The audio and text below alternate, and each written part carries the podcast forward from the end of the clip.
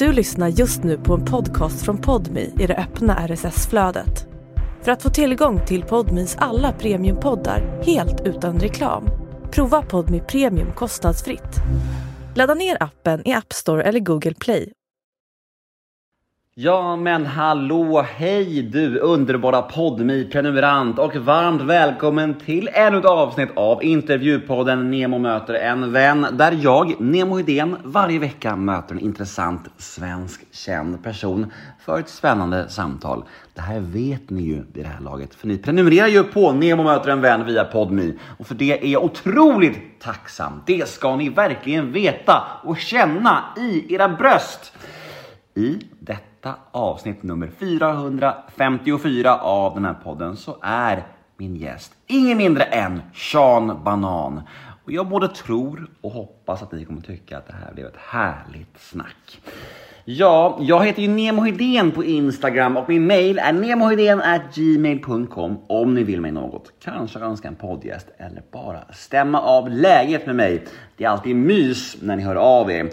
Och den här podden klipps av Daniel Eggemannen Ekberg. Tack Eggemannen för ett gott samarbete.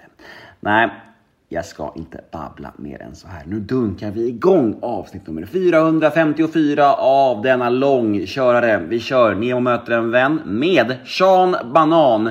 Och här kommer han nu strax. Men först en liten jingel.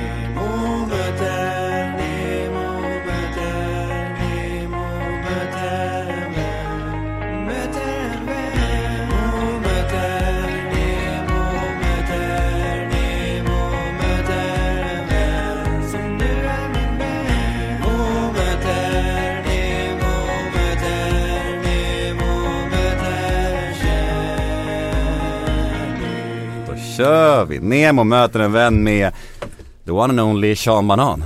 Är det räck nu? Nu är vi med, nu kör vi. Hey! Nu rullar vi! När börjar vignetten? Den var nyss. Aha, okej. Gud. Hur går den? Jag, kan du nynna den? Alltså jag har ju, jag har ju bytt några gånger för jag brukar, brukar låta lyssnarna göra egna takes på den. Så här. Okej. Du kanske vill göra en take på den också? Eh, eh, en egen vignett? Ja du kan göra en, du, får- du får göra en remix på min befintliga. Hitta, hitta, hitta inte Nemo, utan vi gör en podd med Nemo. Det var, Hej! fan vad bra. Otroligt lik originalet måste jag säga. Jag säger det, jag är en musikalisk kompostör. Geni. Djupt underskattad. Hur är läget? Det är fantastiskt, hur är det själv? Bra tack. Ja. Ehm, rykande aktuell. Med det ena och det andra får man säga. Vem? Du! Jag? jag, tänk, jag, tänker att, jag tänker att du ska på, att du ska på sommarturné. Du ska gigga en del i sommar. Ja, Jag är inte aktuell, men jag har gjort samma sak i 15 år nu, åkt ut och gigga varje jävla sommar och det, det, jag är så tacksam att man slipper vara konstant aktuell och ändå lyckas få så här många spelningar och fylla så här många konserter. Man har blivit liksom en invandrarversion av Stefan och Krister, så det är jag väldigt tacksam för, jätteglad. Ja men jag tänkte när, när jag säger aktuell så menar jag dels att du, du är ju ständigt aktuell, så är det ju. Du giggar ju jämt. Och sen också det här med Djungelboken eh, grejen som, som har en ny premiär till hösten. 100% Ja. Där är jag aktuell och det har varit en resa. Vi är halvvägs, vi, har, vi är klara halvvägs, vi har gjort en säsong, eller vad heter det? En, Mm. eh, våren är vi klara och så har vi hösten kvar. Och eh, jag har hittat en av mina sådana här, fan sånt här vill jag göra i livet. Mm. Det, det här var verkligen en av dem, musikal. Det var fan kul. Men hur var den omställningen då? Att gå från artist och det du verkligen kan ut i ryggmärgen och till att faktiskt stå på scen och, och lära repliker och allt sånt där. Hur, hur, hur funkade det? Ja, det var inte så stor skillnad från det jag gjort tidigare. Jag menar, alltså, du vet, efter corona hade jag tröttnat på hela Sean Banan-grejen. Jag menar gå runt och peta i näsan och prutta och liksom hålla på i 13-14 år och du vet, nej fan jag är trött på det här clowneriet och leka apa. And when I try to get out, they pull me back in. Ett halvår senare står jag i apdräkt på musikalscenen i eh, Göta Lejon. Och det har inte varit sån stor omställning, utan det, jag menar jag gör ju det jag alltid gjort, apa mig. Mm. Men jag tänker att även om du tröttnar på, på Sean Banan-prylen så är det ju faktiskt, alltså det är ju många aspekter i det här, det, det, måste, det måste vara en ekonomisk aspekt, det går inte bara att säga, ja ah, men nu vill inte jag göra det längre, för måste man hitta en ny grej. Hell no! Jag, det, jag, behöver, jag vill ha pengarna, självklart. Ja. Jag lever på det här, det har jag gjort i 15 år. Jag menar hur ska jag åka runt och fortsätta göra massa barn och vuxna glada om jag inte kan leva på det här? Mm. Eh, så självklart, det, men det måste ju vara kul. Ja. Och jag, har, jag ha- hade inte kul i många år som Sean Banan bara för att jag slutade göra det jag själv ville göra. Men nu har jag liksom kommit in i mer så här, men fan gör det på ditt sätt. Own your shit.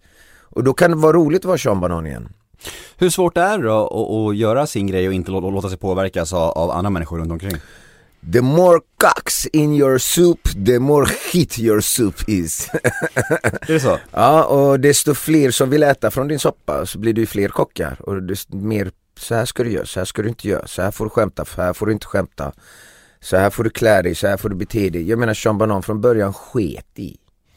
I första låten, mina låtar var ju inte för barn. Fan heller. Jag var ju ingen barnartist. Jag sjöng ju ord, skämtsamma, väldigt grova ord i låten Skaka rumpa, typ “Sluta se ut som en crackho. Det är en skämtlåt för vuxna liksom. Så ja, jag sket i ganska mycket förut och det gick ju bra då. Du vet när man har kul, då går det bra, då blir det lyckat. Men när du överarbetar något, det, då blir det inte lika roligt. Och det var det som hände med åren med Sean Banan. Jag tycker det blev lite för så här, ah, här får du göra, här får du inte göra och så vidare. Och då blev det inget roligt. Men, eh, men, men, men eh, eh, jag tror nog jag har kommit över det nu. Liksom. Det, jag kan fortfarande göra Sean Banan fast jag gör det på mitt sätt. Men det låter ju som att eh, det lustfyllda i hela prylen eh, dog lite i och med att klimatet förändrades mycket. Klimatet förändrades när jag var med i målgrupp, eh, när jag var med i mello. För då ändrades målgruppen. Jag hade ju inga barn som fans när jag släppte Skaka rumpa. Det var storebror och stora syster som gillade Skaka rumpa. Och då var det coolt för småsyskonen att lyssna på det storebror och stora ly- syster lyssnar på. För det är förbjudet, det får inte vi barn lyssna på. Och då blev det lite så här spexigt, lite som Cornelis och lite Ja, det, det, ja, ja, det, det Sen så var jag med i mello och då blev verkligen målgruppen barn, du vet så här, alla, det är en barnartist, det är en barnartist men Nej mannen, jag vill bara göra musik för alla. Och då, då blev det lite så att vi var tvungna att ändra på texterna och göra det lite mer rumsrenare. Jag fick jättemycket hjälp av Ola Lindholm. Fantastisk låtskrivare och kreatör på alla sätt. Så han, när vi jobbade så jobbade vi inte med varandra, vi jobbade mot varandra. jag, jag hade det galna, spexiga, grova och så kom han och tog ner mig lite på jorden och gjorde det lite mer mellanmjölk och lite mer barnvänligt. Så ni har skrivit om eh, gamla hits? Nej nej nej nej, Nej, jag tänkte väl. Vi, har, vi har alla gamla hits, de skrivit tillsammans. Ja, typ eh, mm. Copacabana och hela Copacabana-albumet. Men ja, nej det ändrades lite och vet du vad, nu, nu är jag inte så orolig längre över Nej. det hela. Jag tänker så här. är jag på musikalscenen där det är fyllt med massa småbarn, använd din, anpassa din show till dem. Mm. Gör den lite barnvänlig. Okej Sean, nu ska du gigga på en nattklubb där alla dina fans är 18, 19, 20 och de är inte lika rumsrena. Ja men där kan du gasa på lite Sean och fucka ur. Mhm. Eh, så man, man får bara anpassa sig, man får äga showen liksom. Det man gör, det man sjunger. Men du, eh, det här, eh, vi, vi gled ifrån ämnet lite och det blir lätt så i podd och det är helt, det är helt okej. Men, men eh, Vad pratade vi om? Djungelboken! Just det, jag har Ja. massa bokstavskombinationer, jag har alla bokstavskombinationer Mannen, förutom välkommen till, välkommen till diagnospodden mannen Är det så? Ja gud ja, fan, det är, jag är också, jag har ADHD diagnos för två år sedan så Ja, jag är vad ganska grov så att det Ah, du, du kollar upp det? Ja, jag du gjorde det. hade, ah, jag vet inte om jag ska göra det Men jag gjorde det när jag, grejen var när jag fick barn så var det så jävla tydligt Det var det, så Ah. jag, jag kände mig tvungen för deras skull liksom, att få lite ordning på vissa bitar Okej, för Ja. att få hjälp och veta hur du ska fixa Ja det men exakt, det är mycket, men, alltså, när man har bara sig själv, det är en sak Mm. Men när du har ett barn också, då är det bara så här, då måste du ha koll på vissa bitar som jag Mm. hade svårt med så. Ja, jag kan förstå det, fan Så, så att, men vi ska inte snacka om mig nu. Nej varför inte det? Fast de gillar dig, barnen har precis upptäckt dig. Är det så? Ja. Jag beklagar. Ja, jag, jag med. Sitter jag här, jag är tvungen att göra den här podden liksom. Nej men vad kul, ja, men ta med dem på eh, spelningarna, Djungelboken och festival så jag lovar får de komma upp på scenen. Ja, du måste spela in ett klipp till dem sen. 100% Ehm, för vi var, vi var i Turkiet nu eh, för några veckor sedan, jag Mm. och flickorna. De är tre och sex år gamla. Och de hade så här barndisco där. Mm. Där eh, alla, alla liksom eh, ledare och fröknar eller någonting så dansar med barnen. Ja. Och då kör de koreografier och då hade de Bananaman. Aha, jag kör de Banana Man. Bananaman. med, med så här superhjältedans. Så jävlar, vad vilket, sånt jävla ös. Så nu går den varm hemma kan jag säga. Sorry.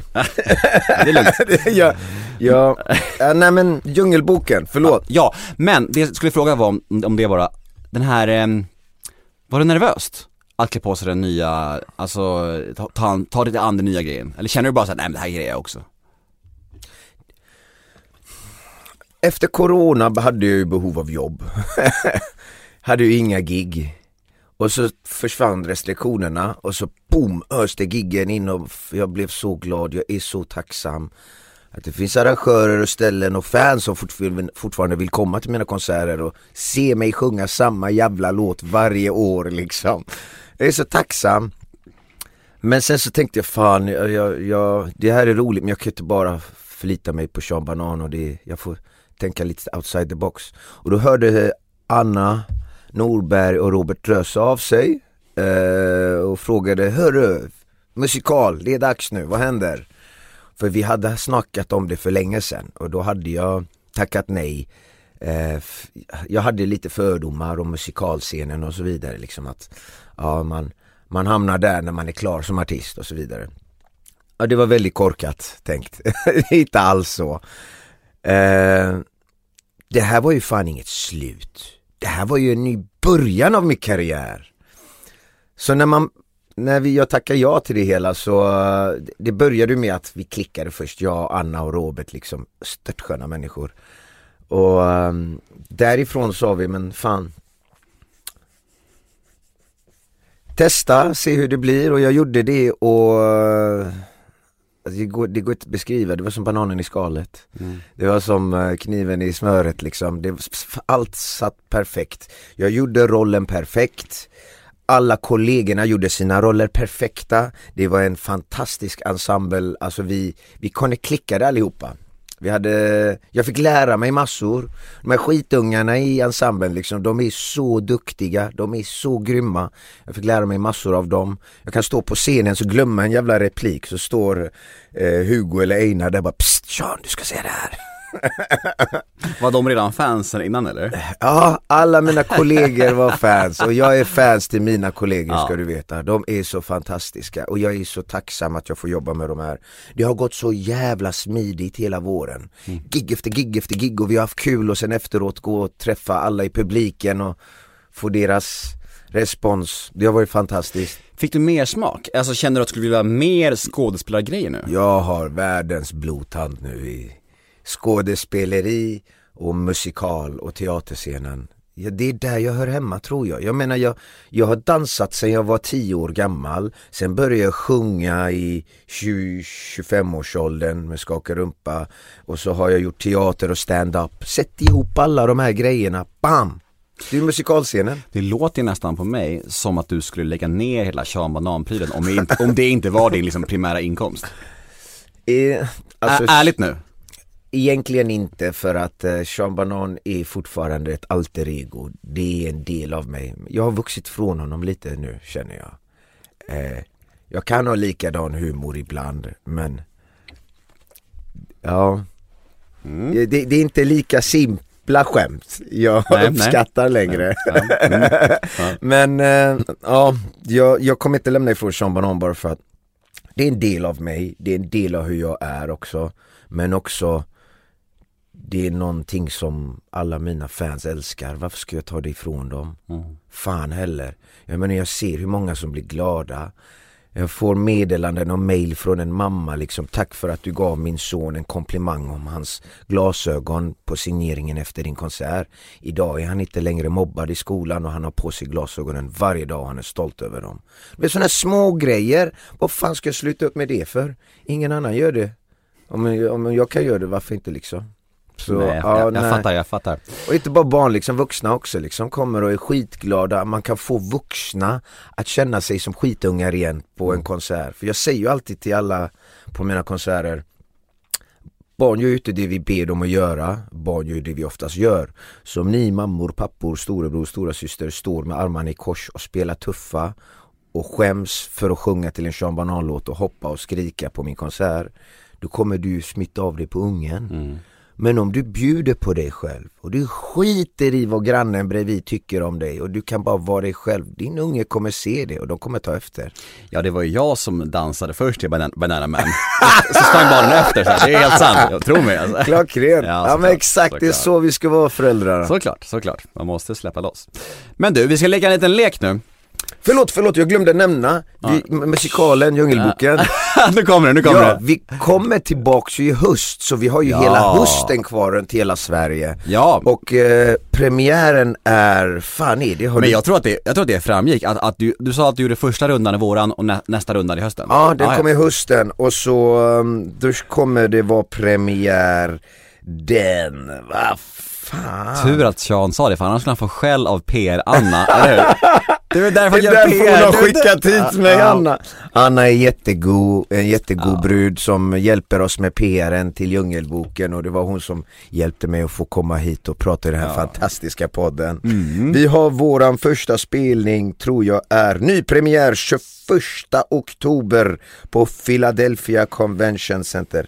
Mm, Och så har vi massa publikrep och sånt dagarna innan. Men gå in på drösenordberg.se eller vad det heter så finns alla datumen där om ni vill se mig i apdräkt Ja, vi ska dit. Jag och barnen ska dit. Lätt. Ni är så välkomna Ja. Eh, du, nu kommer leken. ah. Leken heter associationsleken och det går ut på att jag säger ett namn eller företeelse eller någonting från ditt liv, din karriär och du ska säga de orden och tankar och känslor som kommer till dig när du hör ordet. Okej, Är du med? okej Du får liksom utveckla fritt i, i flera minuter om du vill eller bara snabbt, helt upp till dig. Då kör vi! Första ordet i associationsleken är intervjuer. Uttjatade Tack för idag, hej då! Du var ändå stöttskön måste jag säga när du öppnade dörren där ute och din energi. Jag diggade den. Du bara räckte upp handen och bara bam! Du var på väg att krama mig men jag visste inte om det var en kram eller inte så det blev bara handskak. Du är skön, den här intervjun gillar jag. Men Tack. många andra, jag är trött fan. Är det så? Ja, det är liksom... Ah. Jag vill inte längre visa, vara en influencer, jag är trött på det. Folk ska inte ha något med mitt privatliv att göra. Det, det, det är min konst och det är Sean Banan jag vill visa. Varför, vad ska de ha med mitt andra liv att göra? Privatliv och vem jag dejtar och hit och dit och bla bla bla sånt där skit. Fuck that shit. Men då kan vi ta det som nästa punkt. för, för, för, för nästa punkten i den här leken var nämligen Sean Banan versus Sina Samadi. Mm, mm. Jag, jag, är, jag håller på att vinkla, fan snabba svar är det här inte. Det behövs inte, kör, behövs inte. kör! Ja nej men Sean Banan vs Sina Samadi det Nu är det Sean Ban- Sina Samadi som börjar stä- eh, bestämma lite mer i vardagen. Inte lika mycket Sean Banan. Ja. Vem är här? Nu är Sina här, Mm. eh, du kan kalla mig för Sean. Eh, Jag ser mig som Sean liksom. Men Ja, Sean Banan är inte här nu. Nej. Sean är här, jag är mig själv nu. Men hur har det varit då det här med att, men du var inne på, ja men media vill åt ditt privatliv och sånt där, men, men är det svårt att separera tycker du i intervjusammanhang och, och sådär eller, eller har Inte du längre. Nej. Förut kunde jag ha svårt för det, för jag kunde inte separera Sean Banan från Sina Samadi. Liksom. Då var jag, jag levde Sean Banan så i alla former, i alla videos, i alla sociala medier, i alla intervjuer. Jag var Sean Banan konstant. Då glömmer du vem fan Sina Samadi är. jag, jag, jag liksom, jag visste inte längre vad jag ville. Utan jag gjorde det som förväntades av mig som Sean Banan. Mm. Nu skiter jag fullständigt i vad du eller andra folk vill. Jag måste först tänka på vad Sean vill, vad vill jag? Mm. Därefter kan jag välja hur mycket jag vill ge av Sean Banan eller inte. Men är det ännu svårare tror du som eh, en slags barnartist som du ändå är, Mm. att eh, man har så många ögon på sig tänker jag. Det, det, man blir extra hårt granskad Ja, självklart! Du är svartskalle, du är barnartist, du har sexistiska skämt, du har vissa gamla eh, ja, det, det, självklart blir du övergranskad. Så du måste liksom eh, eh, var lite, tippa lite mer på tårna, var försiktig. Speciellt när tider har ändrats liksom. Jag kan inte släppa, jag kan inte göra likadana Sean Banan musikgrejer nu för att tider har ändrats. Jag har lärt mig lite också. Man kan inte, jag är lite mer jag är inte mer rak på i min humor längre. Kollar för mycket på Seinfeld. Men, ehm, ja nej, jag, jag, jag, jag är mer Sean nu när jag pratar intervjuer och sånt. Träffar jag ett fan på gatan. Hej kan jag få en bild? Hallå där kött och blåbär, självklart får du en bild. Kom hit kompis. Absolut. Men här har jag inget behov av att sitta och vara Sean Banan, här kan jag vara mig själv. Men dina polare, kallar de dig Sina eller Sean? Sean, de säger inte Sean Banan. Nej. Du har alltid kallats Sean. Nej, jag började kalla det för Sean för typ sen tonår, började kalla mig själv för det lite. Varför?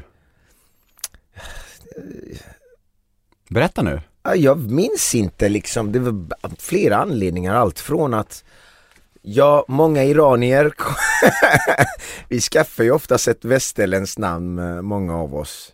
Eh, jag har mina bästa vänner uppe i Norrland, de är iranier, men de heter Tompa, Martin, Erik liksom.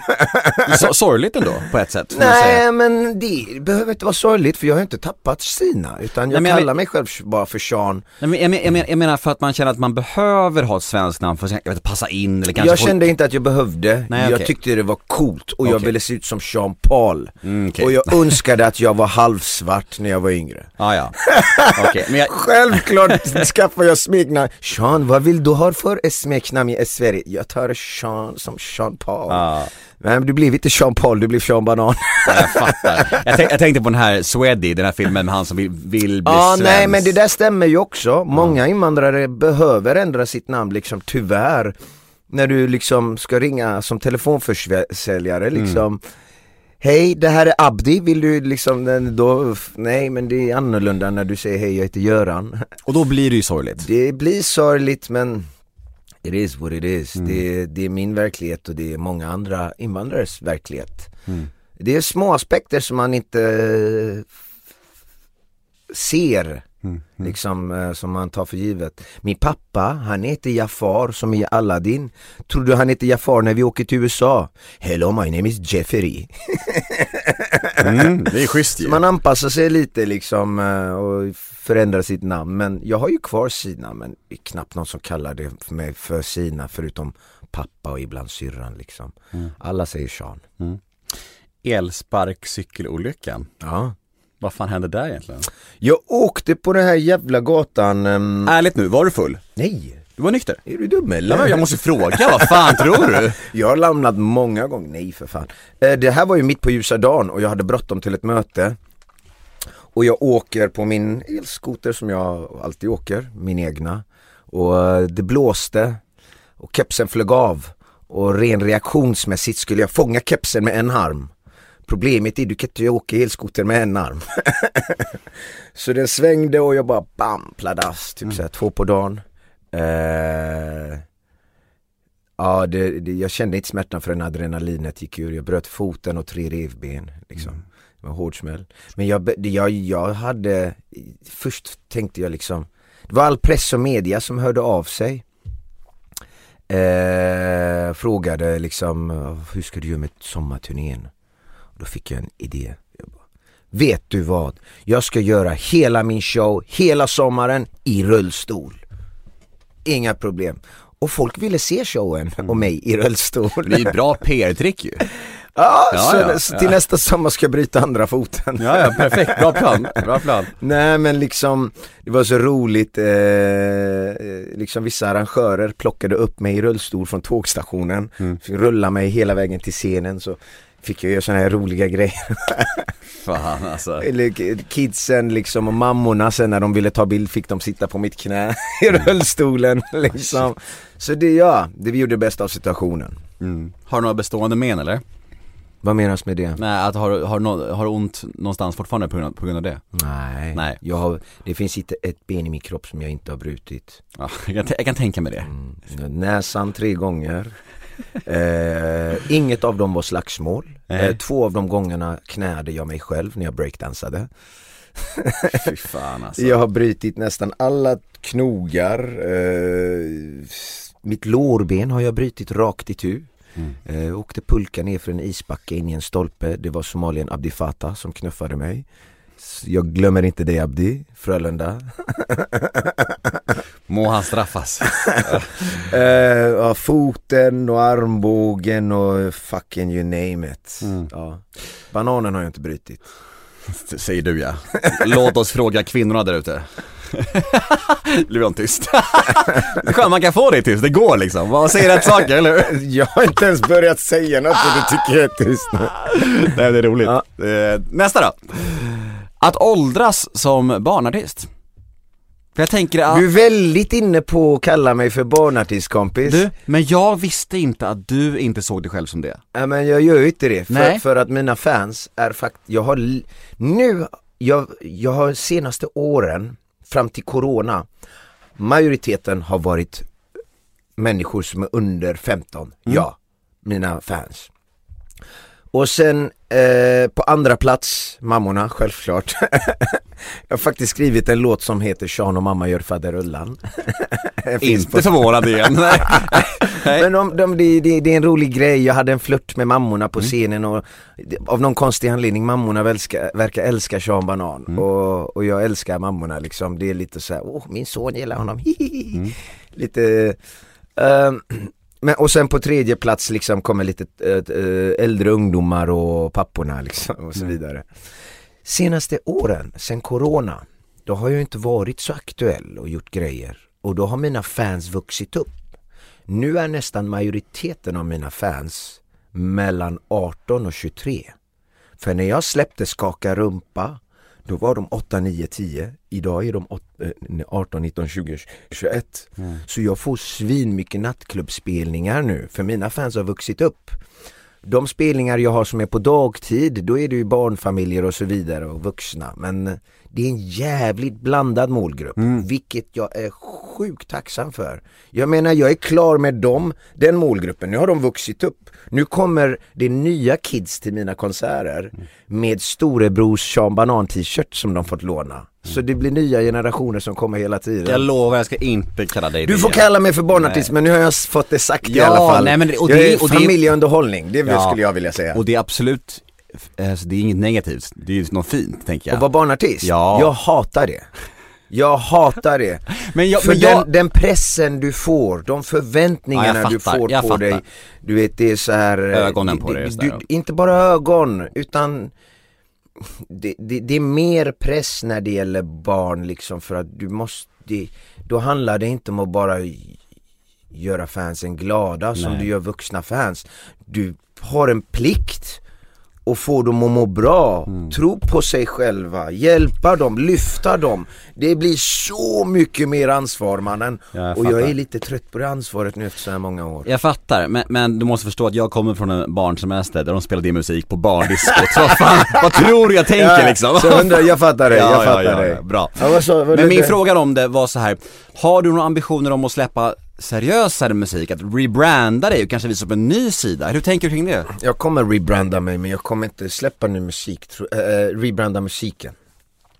Jag tror jag kommer kanske, ah Sean Banan skådisen, nu gör han drama, etc. Bla bla bla, men han gör de här grejerna. Uh, det är ju som Jockiboi, fan han gjorde ju helt andra grejer då och så nu gör han helt andra grejer, han rebrandar sig. Jag tror man måste göra det. Jag menar kolla på Madonna, hennes, visst hon rebrandade sin musik och det funkade till en viss mån liksom att gå från alla de här Like a Virgin soundet till music makes det lite funkigare. Hon var tionde år rebrandar sig. Jag vet inte om jag kan rebranda Sean Banan musikmässigt.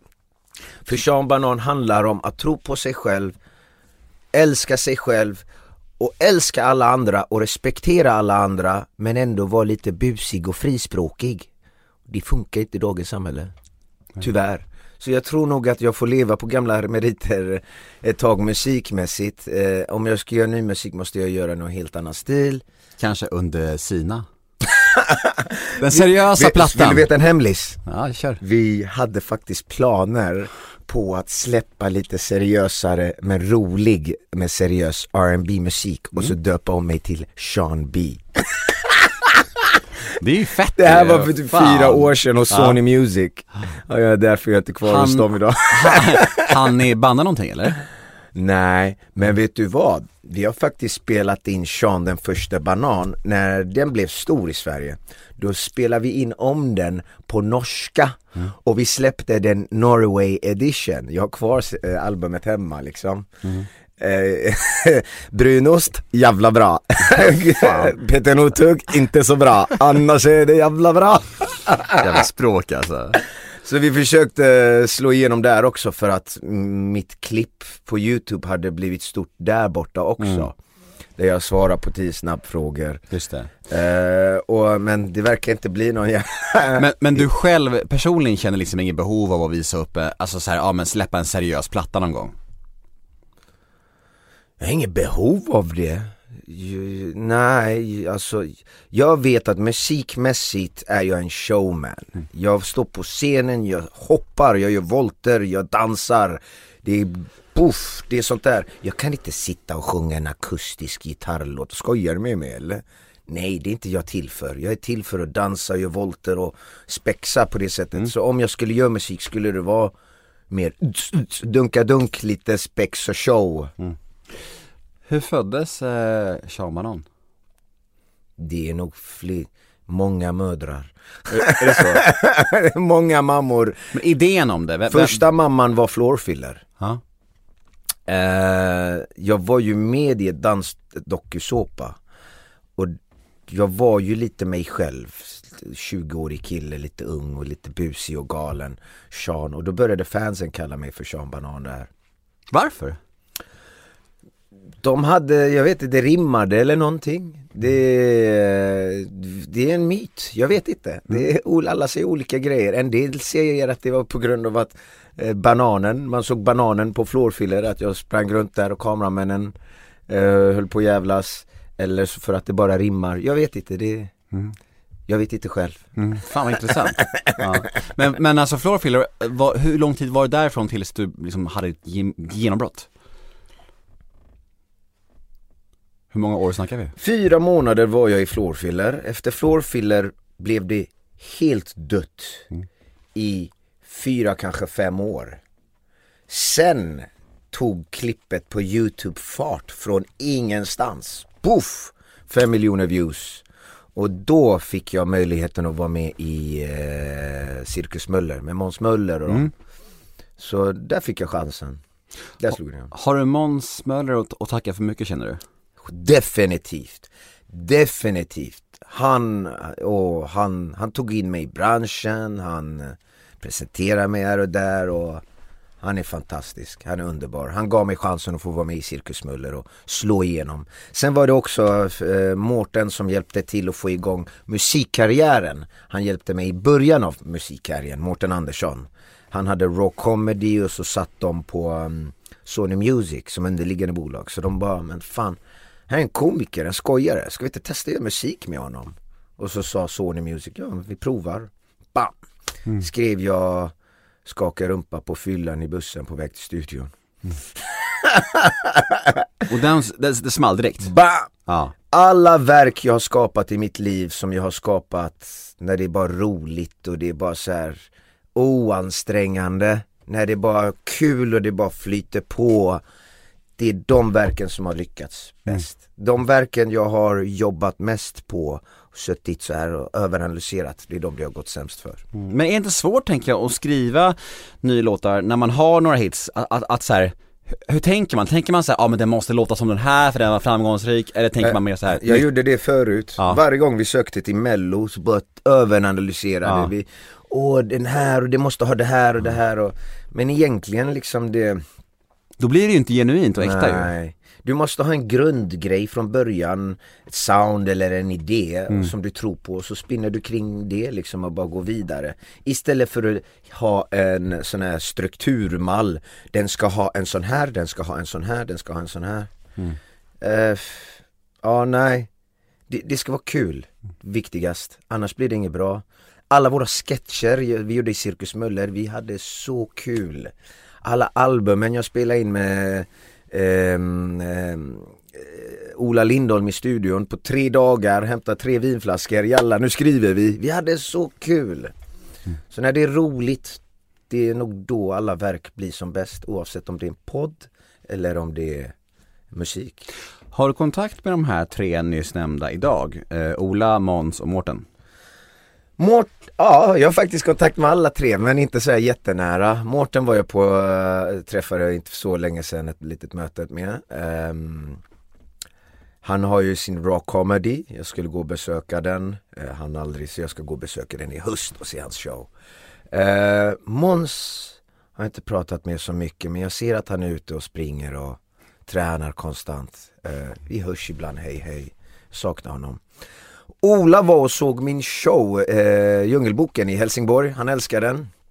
Vi pratade lite mer nyligen och ja, hej hej, that's it. Vi går vidare då till nästa. Är, är du med? Ja. Mm. Nästa lyder, något som du, det känns som att du är lite ambivalent till det här för att du, Vad innebär ambivalent? kluven. Okej, Mm. Mello. ja, för att du, tidigare nämnde du att du kände att det gjorde dig till en barnartist och det vill du inte kallas som, att mello bidrog till det. Eh, men samtidigt så har ju säkert mello också gett dig en stor del av framgången tänker jag. det är inga problem det där med att se. Så här, i slutändan handlar det om hur jag väljer att bjuda på mig själv. Eh, om jag, om jag liksom Det har varit jobbigt det här med barnartisteriet till exempel när ett kanal vill få in Sean Banan och ringer och bara kan du komma hit? Men gör inte det här och säg inte det här och bete dig inte så här. Alltså what the fuck? Man går inte till McDonalds och köper en cheeseburgare utan cheese. Du köper en hamburgare. så att att jag ska behöva anpassa, ändra min konstnärlighet hela tiden, den har blivit begränsad på grund av barnartisteriet. Mm. Men nu har jag lärt mig liksom att Sean, vet du vad? Du väljer själv vad du vill bjuda på när du vill bjuda på det. Om, de, om du vill bjuda på en barnartist nu, bjud på det. Om du inte vill bjuda på en barnartist, säg fuck off, det här går inte, det här kan jag inte göra. Jag gör det på det här sättet, mitt sätt. Så man ska äga skiten, då kan man må bra i det hela. Men om du bara gör grejer som förväntas av dig eller liksom går andras väg, då blir det inte din grej och det blir inte kul.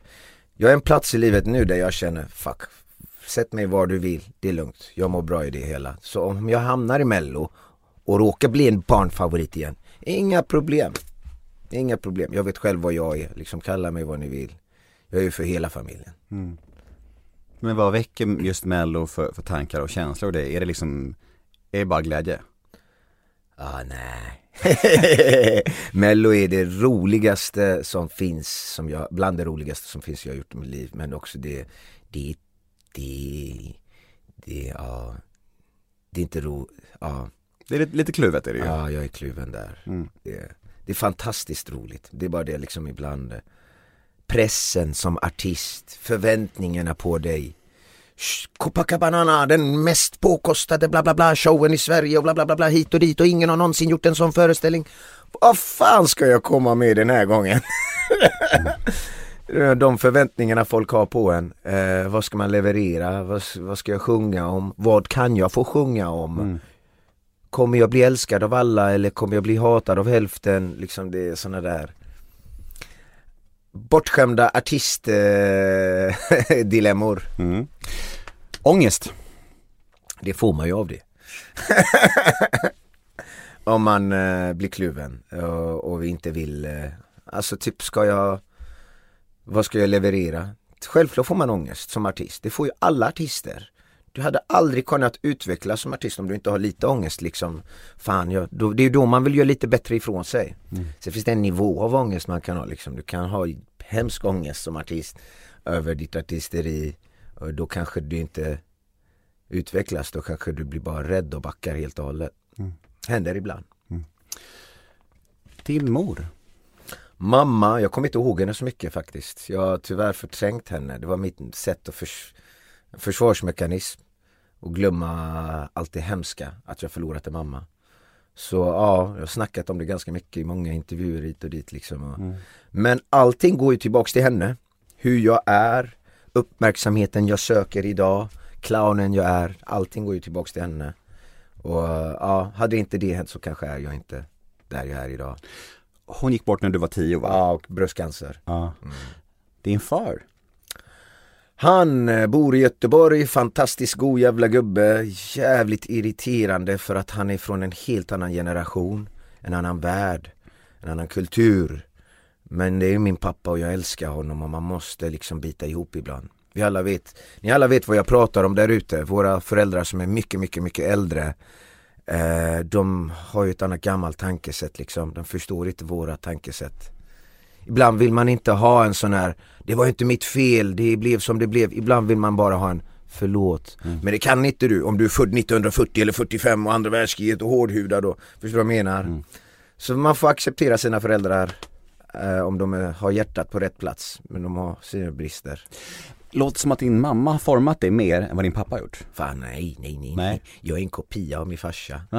jag är en kopia av min farsa. Alltid den som skrattar först åt sina egna skämt. jag är den som liksom Ja, jag har ärvt mycket av hans bra och dåliga sidor och det är det jag jobbar på nu, för bort det dåliga, 1945 sidorna. Barndom? Ja, den var, den var hyfsat fin förutom att jag retades. Men eh, jag tog mig ur det. Och nu vill jag hjälpa andra kids att inte bli retade. Vad retades du för? Jag hade stort triangulärt huvud, jag hade stora tjocka glasögon, öron som stack ut, jag hade en tandställning längst bak i munnen liksom. Uh, jag var den som först av alla retades för att jag fick hår på rumpan. De kallade mig för shartis. Det arabiska betyder rövfrisyr. Eller rövhår. uh,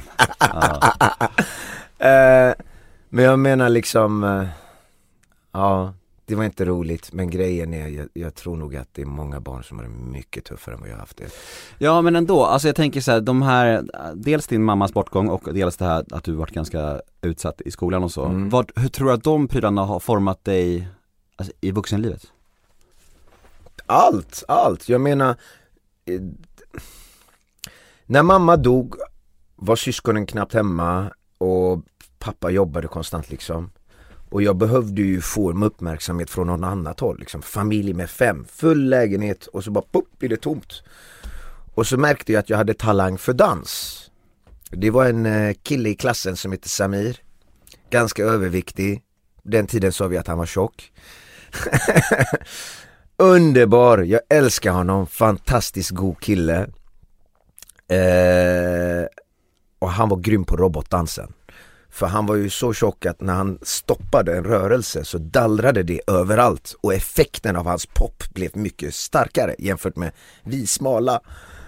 Och han var grym på det så en dag ville han utmana mig bara på såhär, men Sean testa du då? Och så testade jag och jag var grym på det. Och alla bara wow, jag bara yeah, jag slog Samir. Uh.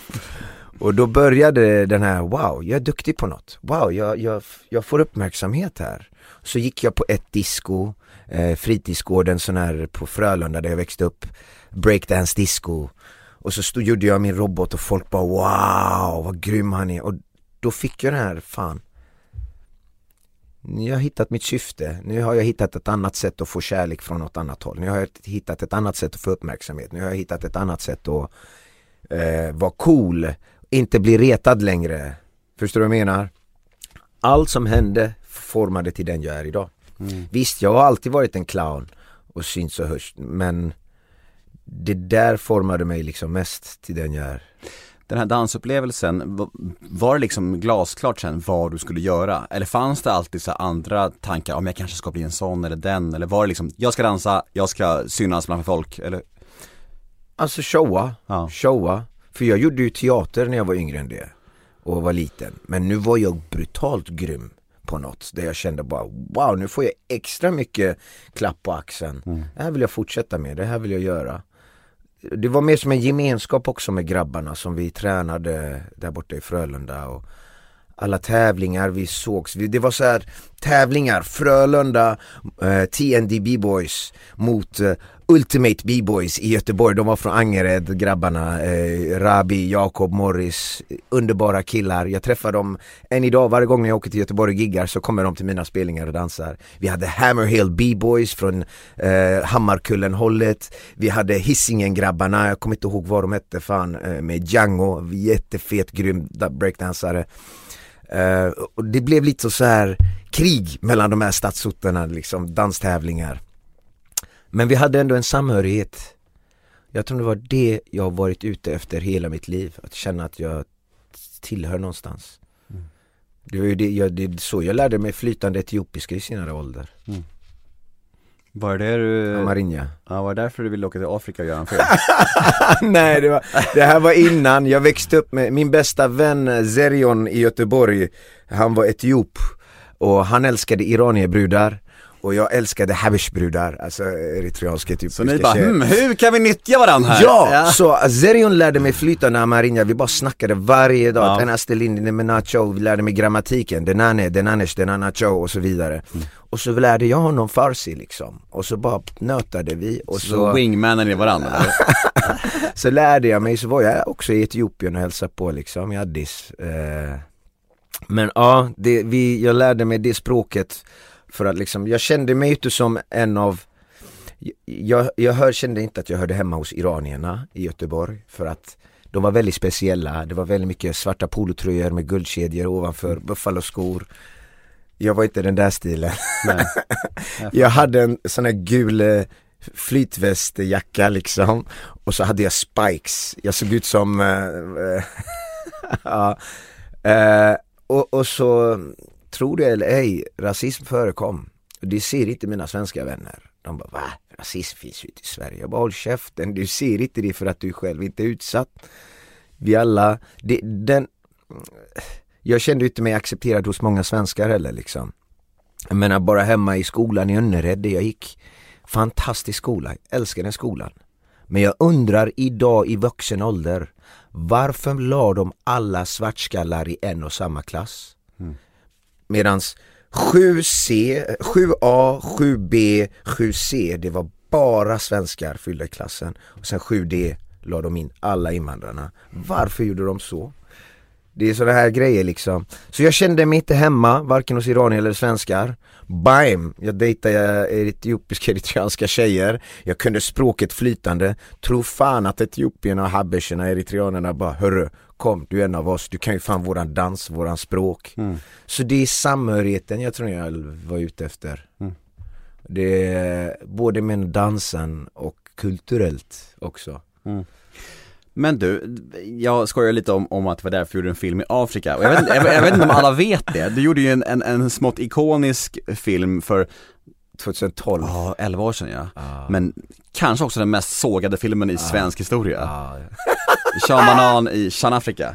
Ja. Och än idag kan ingen uttala namnet. Nej, lär mig. Sean Banan inuti Sean Frika. Sean Frika.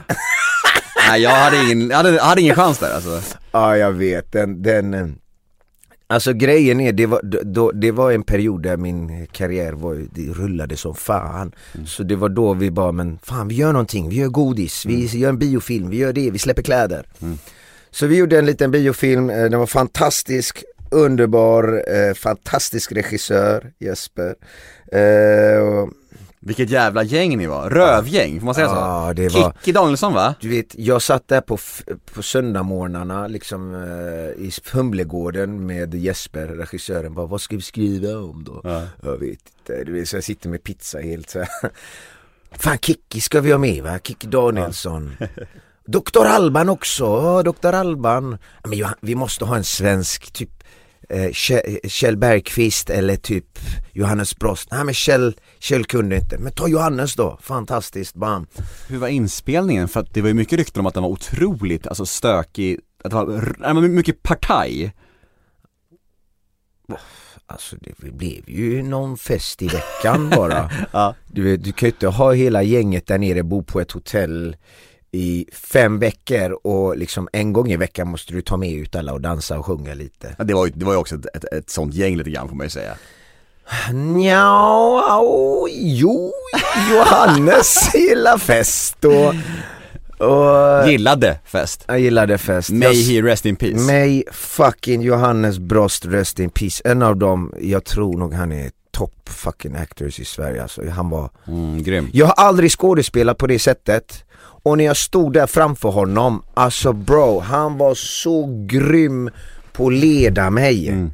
Så det blev så enkelt att spela mot honom för han var sånt jävla proffs. Mm. Ja, han är fantastisk. Eh, så, ja nej men det, det, var, det, var, det var rolig inspelning, det var fantastisk inspelning, det var mm, Mm. Jag hade kul, jag fick lära känna Johannes, jag fick lära känna Alban Mm. Alban han är precis som i filmen, så är han på riktigt Jag var faktiskt och träffade honom häromdagen, han hade någon liten gathering på MS Molly båten där på, som han har med Mattias Ehm, Träffade honom och Ja, han hade inte ändrat sig ett dugg. Nej. Han var Han exakt kommer som i filmen. alltid vara densamme. Och han är, han är likadan framför Ja. kamera, bakom kamera. Ex- Exakt. Exakt samma. Kikki har jag inte haft så mycket kontakt med. Hon, eh, jag tappade lite kontakten med efter filmen. Jag har tagit upp det nu igen, kontakten med henne. Hon är fin. Alltså hade jag fått välja mamma i den här världen, ja, hon är så fantastisk. Hon Mm. var så mammig där borta, hon var så snäll, hon var så god. Hon var så omtänksam Mm. och ja, jag gillar henne. Hon bjöd på sig själv som satan, en sån här god morsa som bjuder på sig själv. För när vi satt och skrev det, bara, vad fan ska vi ge henne för kläder? Ja men ge henne liksom så här Lady Gaga, Kiki är du med på det? Är det okej? Ja för fan. Kiki är du med på att ligga och bli masserad av två färgade killar, stora biffiga medan du äter falukorv? Ja för fan! Kan man vara så mer liksom bjuda på sig själv än Ja. henne? Det där är liksom wow. Hon är fin. Nästa ord då är alkohol. Ja. ja ibland, det är inte så roligt längre. Jag tycker det är lite kul. Har du tröttnat på att festa? Uh, nej, men med rätt människor. Jag har tröttnat på att festa med, när det inte behövs. Förstår du? Åh, här är vi, och vilka är ni då? Ja, vi är bekanta, ja men dra några shots med oss eller med öl. fan ska jag göra det? Jag går hellre och festar med mina närmaste bästa vänner liksom, som, när det betyder något liksom, när det är kul. Mm. Pallar inte vara bakis i tre fyra dagar och nu känner jag det liksom Jag tränar ju liksom sex sju dagar i veckan Och eh, det, då går det ju inte liksom att supa och ligga sängliggandes i tre fyra dagar, du missar alldeles för mycket Men hur är det på turné? Är, är det alltid fest efter giggen eller har du lagt Nej, skojar du med mig? Nej, jag Fy vet inte. För det första, mina gig är ju på dagen Mm. Jag menar, vi åker ju hem efter giggen. Vi sover inte över.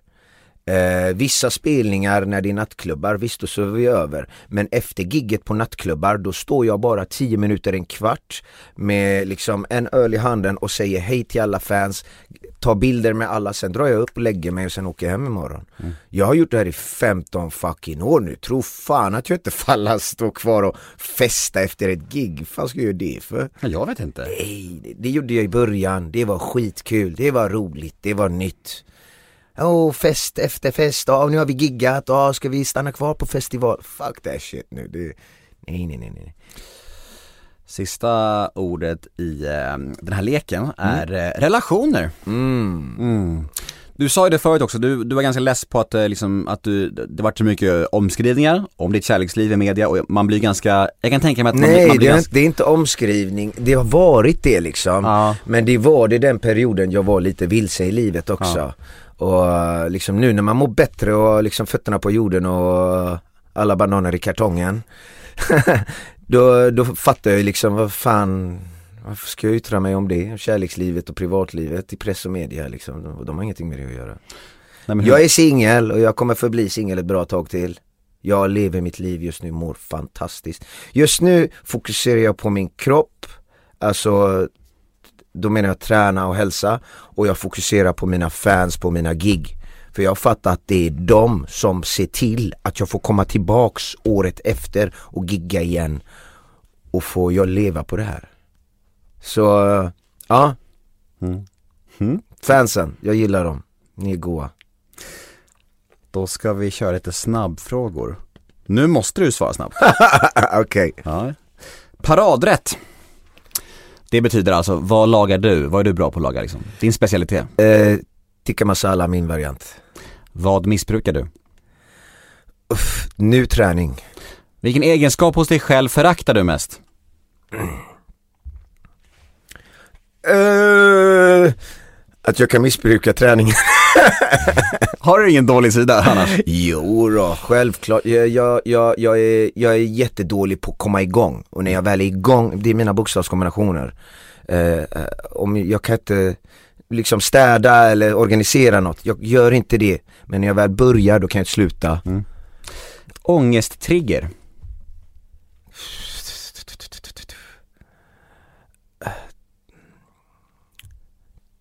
Det är hemskt att säga, men dåliga kommentarer. Mm. Jag menar, jag har levt i en bubbla som Sean Banan och bara sett det positiva. Jag har inte ens tittat åt det negativa. Men nu när man är mer objektiv och ser liksom vilka är det som pratar gott om en, vilka är det som pratar illa om en. Man har blivit känsligare med åren, det är ingen sida jag är glad över. För förra Sean Banan sket i, han brydde sig inte. Men hur reagerar du då när du får någon, någon slags negativ kommentar? Är det block då direkt eller försöker du kommunicera eller hur funkar du? Förut så ville jag använda det till min fördel, så jag svarade med kärlek och på ett roligt sätt så att alla andra i kommentarfältet bara Fan vad cool Sean är, grymt svar. Idag så bara blockar jag. Mm. Jag orkar inte, jag bara bort med negativ energi, bort. Jag har inte orken längre för att sitta och försöka övertyga någon om att jag är fin, snäll eller bra. Jag har inte orken till att försöka använda din negativa kommentar till min fördel för att det ska gynna mig mer. Jag orkar inte, bara bort, bort. Mm. Mm. Jag la upp ett klipp häromdagen på min Instagram och min Facebook där kungen dansar på Polarpriset, skitroligt. Och jag la till Sean första banan. Och jag ser hur många roliga positiva kommentarer det finns om kungen. Mm. Och så ser jag de här negativa, bittra, liksom.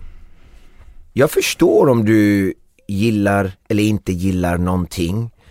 Men kom inte till min fucking social media med din negativa energi. Hej då, block. Mm. Så det är liksom, i, min, i min, mitt hus, det är positiv energi som gäller. Prata gott om allt och alla, kom inte och snacka skit om någon. Mm. Alla ska respekteras. När grät du senast? Oj då. Eh, på, um, vad heter det, eh, Unicef-galan. Mm. jag är lite bölig när det gäller barn, jag blir ledsen. Vad lägger du mest pengar på? Wow, hyran just nu, räntan just nu. Fy fan. Fan vilket tråkigt svar. Ja, jag vet. Har du inget bättre? Eh, nej, jag har skärt ner på så äckligt mycket efter corona liksom och jobben när de Mm. ströps. Jag var tvungen att ändra min livsstil. Mm. Jag kan inte. Förut var det Hemköp mat, Foodora och Uber Eats. Wow! Vet du hur många tusen lappar det var i veckan? Jag menar, köpa två, tre rätter om dagen. Mm. Det blir 500 spänn om dagen ungefär. Mm. Det slösade jag på som satan och efter det bara, vad håller du på med? Laga mat. Lidl, bäst. Vad tror andra människor tänker på när de tänker på dig? Och då menar jag både den offentliga bilden och dina privata kompisar. Så jag vill ha två svar här. Eh, vad människor tror om mig. Nej men om man frågar någon på gatan så här, vad tänker du om Sean Banan? Vad tror du först de tänker på då? Alltså det beror på, det, det, det, det finns tre människor i Sverige. Det finns de som älskar Sean Banan. De dör för Sean Banan, han är rolig, han bjuder på sig själv. Äh, han har ju kommit i svenska folkets hem liksom, en invandrarversion av Stefan och Krister. Och så finns det de som absolut inte har någon koll på Sean Banan. Eller de har lite koll, fast de har helt fel bild om mig och de hatar mig. Jag hatar Sean Banan. Han står för det här och det här och det här och det här. Och, det här. och sen finns det de tredje som inte har någon koll alls som har sin förutfattade mening där de har liksom Aha, det var han Mello, ah, nej han är säkert si och så. Eh, det jag kan säga att ingen av dem har rätt bild av mig. Nej. Det får du nu. Du får se hur jag är. Men de har ju den här den där bilden. Men vet du vad, det gör ingenting. Låt dem. Men om man frågar dina privata kompisar då? Någon som umgås med privat, vad, vad tänker de om, om dig? Det första de tänker på tror du?